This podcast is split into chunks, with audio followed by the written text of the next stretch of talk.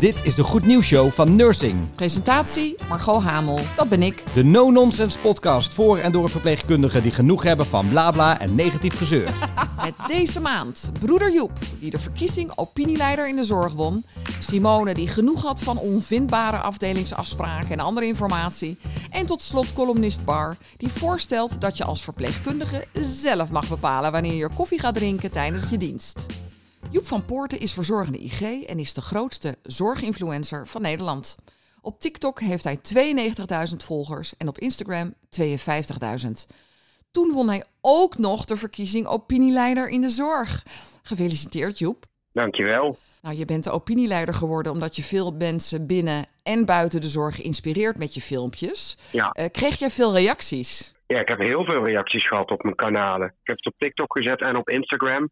Ja, veel felicitaties. Superleuk. Ja, hartstikke leuk. Kun je voor de luisteraars die jou niet kennen uitleggen wat je zoal doet, wat je maakt? Uh, ja, ik ben dus op TikTok begonnen met filmpjes maken over de zorg. Gewoon met een lach. Um, en daar is nou ook een beetje overgegaan op Instagram. Het zijn eigenlijk allemaal filmpjes om de zorgmedewerkers het wat dragelijker te maken en een lach op hun gezicht te toveren. Kan je eens een voorbeeld geven van zo'n grappig filmpje? Wat, wat doe je dan? Bijvoorbeeld dat je aan het wachten bent op de, dat je met je avonddienst moet gaan beginnen. Dat is een gevoel bij, wat bij mij altijd, uh, ja, dan moet ik altijd wachten tot ik mag gaan. Ja. ja daar heb ik dan een filmpje over gemaakt. Dan vinden mensen dan heel herkenbaar waar ik op bed lig en in allemaal posities uh, tegen de muur aan sta. Ja. En uh, dan zeggen ze ja, ik, ik herken dit gevoel. En uh, dan hebben ze ook weer zin om dan toch weer naar zijn werk te gaan. Ja, nee, dat is het. Hè. Dus je maakt filmpjes uh, met een kwinkslag eigenlijk. Dus er zit altijd wel een soort luchtigheid in. Want ik volg jou ook met heel veel plezier. En ik moet vaak ook echt hardop lachen. Dat vind ik echt knap. Want er zijn ook andere collega's, verpleegkundigen, verzorgenden, noem maar op. Maar ik vind ze vaak niet zo grappig. Maar jij bent echt grappig. Ik denk dat dat ook ja, jouw, uh, jouw kracht is. Want jij groeit ook echt ongelooflijk snel. Hè? Want ik herinner mij, wij zijn natuurlijk bezig, uh, hè, die opinieleiderverkiezing. Nou ja, dat Ja. is een uh, initiatief van Nu91, Nursing en Tijdschrift voor Verzorgenden. En uh, wij waren daar natuurlijk mee bezig met de organisatie. En nou, echt een paar maanden geleden zat je op TikTok nog op de 80, volgens mij, rond de 80. Ja, En het gaat echt zo waanzinnig snel. Heb jij enig idee waardoor je zo hard groeit? ja, op TikTok is sowieso wel een geleidelijke lijn op zich wel. Uh, af en toe dan gaat dat iets sneller dan uh, uh, ja, de ene maand meer dan de andere. Maar nou op Insta is echt ook, want ik had in augustus had ik volgens mij 5000 volgers. Oh. Ik zit nu al over de 50.000. Ja, ik, ik heb gisteren gekeken. 52.000. Bijna 52.000. Echt fantastisch. Ja, dat is echt bizar. Ja, dat blijft gewoon als je in dat ritme zit, denk ik, dan, uh, ja, dan blijf je groeien als je dan uh, leuk en accuraat bent, denk ik. Ja, want je plaatst iedere dag een filmpje, toch? Ja, eigenlijk wel. Wat is het doel van jouw uh, posts? Uh, ja, sowieso om uh, alle zorgmedewerkers te bereiken en hun aan het lachen te maken in ieder geval. Maar het zijn niet altijd alleen maar grappige filmpjes, maar ook wel serieuzere filmpjes. Ja, en om te laten zien ook aan jonge mensen, want er zitten ook veel jonge mensen op TikTok, om te laten zien dat je op je werk ook gewoon een lolletje kan maken. Want vaak denken mensen aan de zorg dat het allemaal heel serieus en het is op het moment ook serieus. Ja. Maar ja, we moeten er toch wel van maken samen. En als ze gewoon met een lach kan, dan vind ik dat mooi. Nou zeker. Ik keek um, vanochtend geloof ik zelfs nog eventjes. En toen zag ik ook een filmpje, wat volgens mij ook heel herkenbaar is, is dat, uh, dat er zo'n lampje brandt bij de kamer, weet je wel? Zodat dat, omdat de ja, bewoner dan zegt... Nou ja, en dat, hoeveel dat ook herkend wordt uh, door, ja. uh, door de mensen die je volgen. Heb jij een voorbeeld van zo'n serieus filmpje? Ja, bijvoorbeeld dat een cliënt van mij is overleden. Uh, iedereen die herkent denk ik wel dat ze een bepaald cliënt hebben die dan nog dichterbij staat, hè, waar je dan een hele speciale band mee hebt. En als die dan overlijdt, dat, dan ook wel, dat je daar ook wel gewoon verdriet van mag hebben. Want toen ik begon met werken in de zorg, werd er een beetje ingestampt van ja, niet zoveel emoties tonen, maar het is juist belangrijk om je emoties te tonen, want anders kun je je werk niet goed uitvoeren. Ja, en ik denk ook dat is dus weer herkenbaar voor veel mensen. Ik denk dat dat wel ja, een voor van heel de... veel mensen herkenbaar, ja. Ja, dus wat jij volgens mij doet, is, is die herkenbaarheid koppelen aan humor eigenlijk. Ja. Maar ook die serieuze kant is er. Want ik zag ook dat van de week had je gewoon ook echt gewoon een serieus filmpje gepost. Waarbij je rechtstreeks in de camera richt tot, uh, tot je volgers. Waarom, waarom heb je die geplaatst? Oh ja, gewoon om even mijn boodschap over te brengen. Meer in de zin van waar, mijn doel eigenlijk nog een beetje is. Hè, waar ik net ook uit heb gelegd om, uh, om het de mensen die in de zorg werken leuk te maken. Uh, en ook gewoon een minder leuke en uh, wel de leuke kanten te laten zien. Maar ja, alle werkplekken hebben natuurlijk minder leuke en wel leuke kanten. Was er een speciale aanleiding om dat filmpje te plaatsen? Um, nou ja, natuurlijk, mijn account groeit gewoon steeds weer door. Er komen meer mensen bij. Dus dan vind ik het af en toe fijn om dan wel weer eventjes die boodschap over te brengen. Waarom dan mensen filmpjes van mij voorbij zien komen. Mm -hmm. Je bent nu zo groot, hebt heel veel followers. Word je wel eens benaderd door commerciële partijen of voor andere dingen? Ja, ik heb wel een aantal samenwerkingen lopen. Nou, bijvoorbeeld de FNV, de vakbond. Landelijke organisatie eigenlijk wel. Die loopt en zo komen er wel wat meer dingen op het pad. Ja, ik zag ook dat je bij, je had ingeschreven bij de Kamer van Koophandel. Ja, klopt. En dat heeft hiermee te maken, denk ik. Ja, want ik ben natuurlijk gewoon in loondienst. En ja. uh, als ik het samenwerking heb, dan kan dat ook natuurlijk uh, tegen betaling zijn. Ja. En dan moet je er natuurlijk wel allemaal netjes weg kunnen boeken. Dus vandaar dat ik me in heb geschreven bij de KVK. Hey, en die verkiezing tot opinieleider, leidt dat nou toch tot dat je breder gaat denken? Dat je nog een ander platform erbij gaat nemen bijvoorbeeld? Ja, ik merkte, want Jennifer en Anita, die uh, zitten meer op, uh, op uh, LinkedIn, de andere genomineerden. Ja. En ja, daar merkte ik van, die kenden heel veel mensen al die daar aanwezig waren, die ik eigenlijk nog allemaal niet ken. Dus misschien dat ik maar meer op LinkedIn moet gaan, alleen dat is wel, naar mijn idee, meer zakelijk.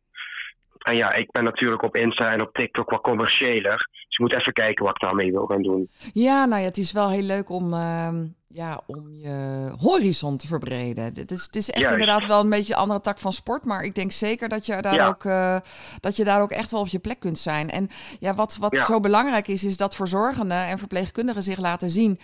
Um, oh ja, je won 1000 euro, hè? opleidingsbudget. Nou heb je net je EVV-diploma.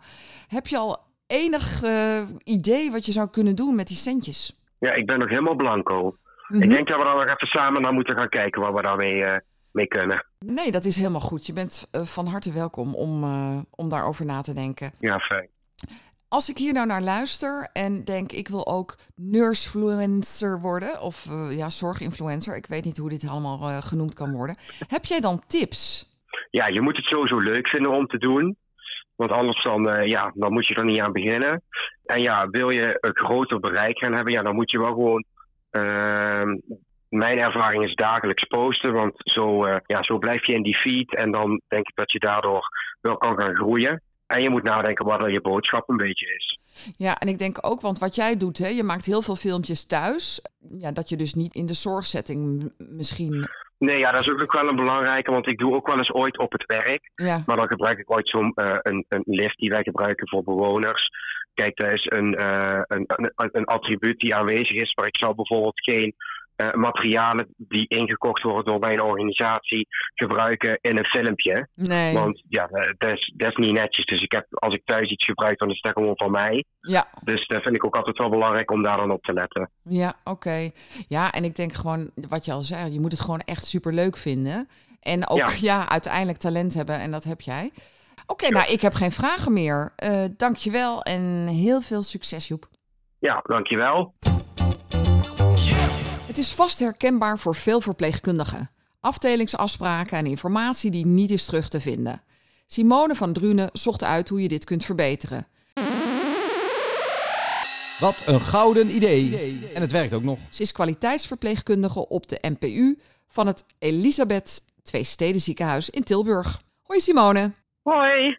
Je hebt geprobeerd om de afdelingsafspraken en informatie makkelijker vindbaar te maken. Is het al gelukt? Ja, ik heb het al af. Oh, ja. echt waar? Ik dacht dat je misschien nog in het proces zat. Hoe kwam je op het idee?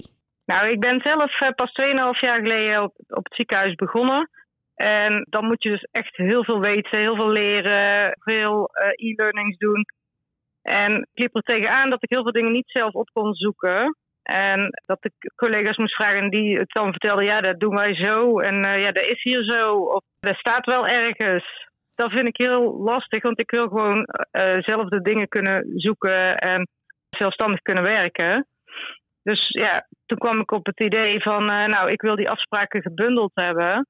En toen kregen we ook de mogelijkheid daarvoor uh, in het VIP-project. Ja, kan je even kort uitleggen wat het VIP-project is? Ja, het VIP-project is eigenlijk verpleegkundigen impact in de praktijk. Dat is eh, in het ziekenhuis georganiseerd. En ja, daar is uh, subsidie uh, vrijgekomen waarin uh, ja, er ideeën aangedragen mochten worden om ja, met projecten aan de slag te gaan. En ja, daar zijn vanuit heel veel afdelingen ideeën aangedragen. En ik geloof twintig totaal ideeën. Daar zijn de afdelingen mee aan de slag gegaan. En ik ben mhm. vanuit onze afdeling dan aan de slag gegaan met, ja, het, met informatie bundelen. Ja, hoe heb je het aangepakt? Nou, ik ben begonnen ja, met het idee dan wat ik had. En daar een uh, enquêtevraag over te maken. En die rond te sturen over de twee NPU's die het ziekenhuis heeft.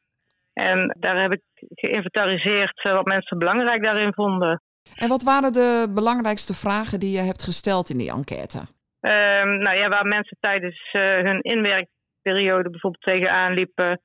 Uh, welke informatie dat er gemist werd en welke nu nog steeds, ja, waar ze nu nog steeds tegenaan lopen. Ja, hoe dat ze graag de informatie, op, op wat voor manier dat ze terug zouden willen zoeken. Mm -hmm. En uh, ja, met welke methode, bijvoorbeeld op trefwoord of op alfabet. Of, Oké, okay, dus heel dingen. praktisch eigenlijk, hè? Ja. En uh, wat kwam daaruit? Nou ja, dat de meeste mensen echt wel veel op zoek zijn naar informatie, daar veel tijd aan kwijt zijn. En als het op een um, ja, makkelijkere manier aangeboden zou worden, dat daar ja, gewoon heel veel tijd zou schelen in het werk.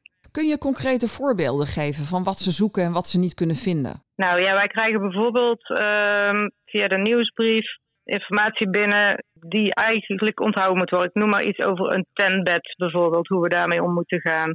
Mm-hmm. Ja, die hebben ze op andere afdelingen niet, dus wij krijgen daar een mailtje van. En dan moet je terug zien te vinden. Maar ja, je weet niet, heb ik dat nou in de nieuwsbrief gelezen of heb ik dat nou in de notulen gelezen? Dus mensen weten gewoon niet waar ze het dan terug moeten zoeken. Nee. Heb je nog een voorbeeld? Ja, we hebben bijvoorbeeld huisregels die speciaal voor de NPU gelden.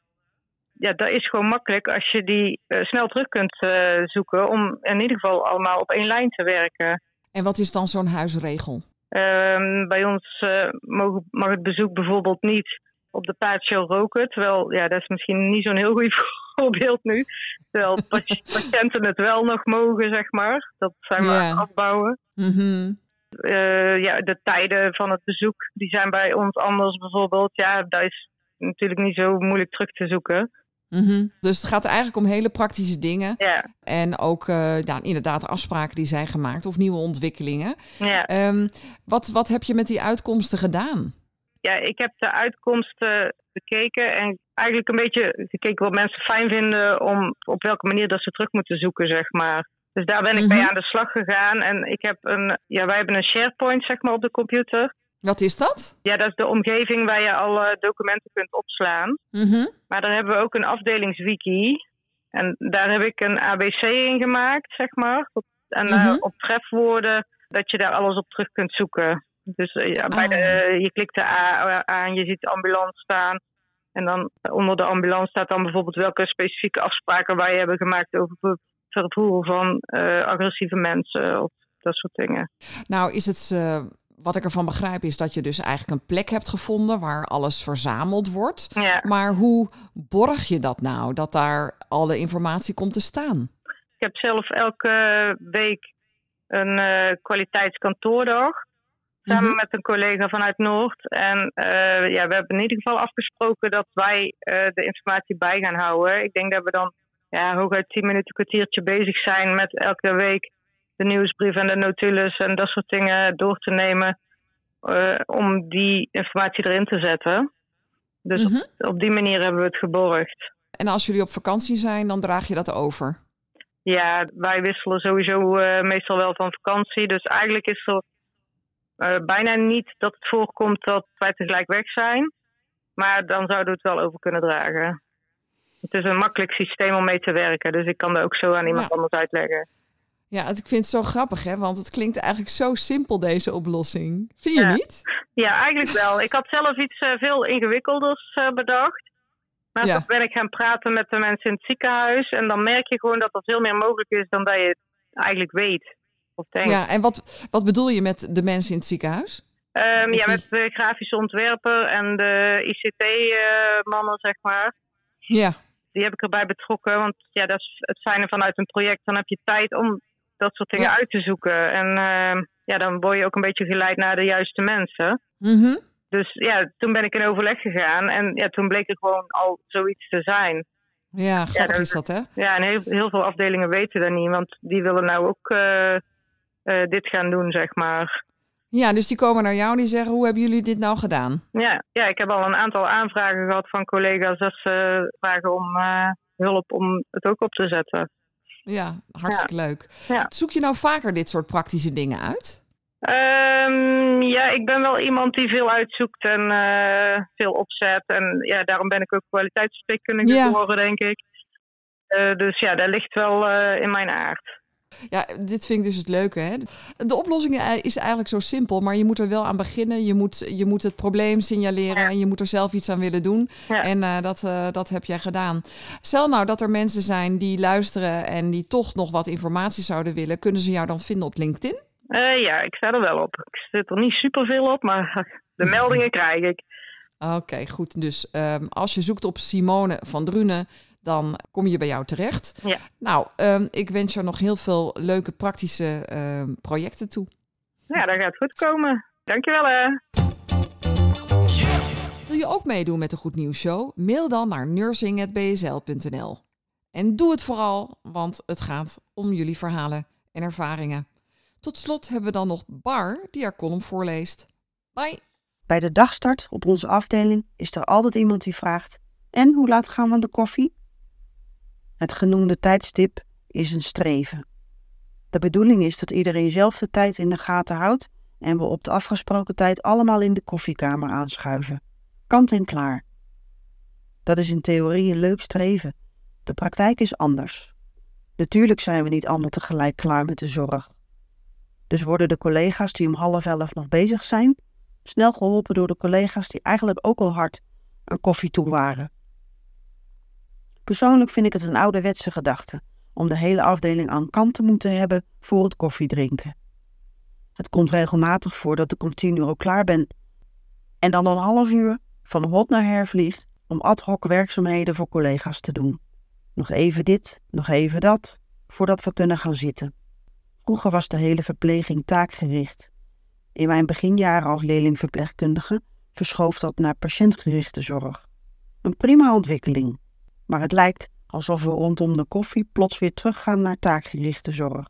Hup, nog even snel een bed opmaken bij je collega op zaal en geen idee of de patiënt zelf uit bed kan of mag. Snel nog even de meneer van KB17 naar een onderzoek brengen, zonder volledig kennis van dienstziektegeschiedenis. Maar tegen 11 uur zit dan toch iedereen uitgeblust en uitgedroogd in de koffiekamer. Vaak blijven we te lang zitten omdat we vinden dat we het verdiend hebben en omdat het zo gezellig is.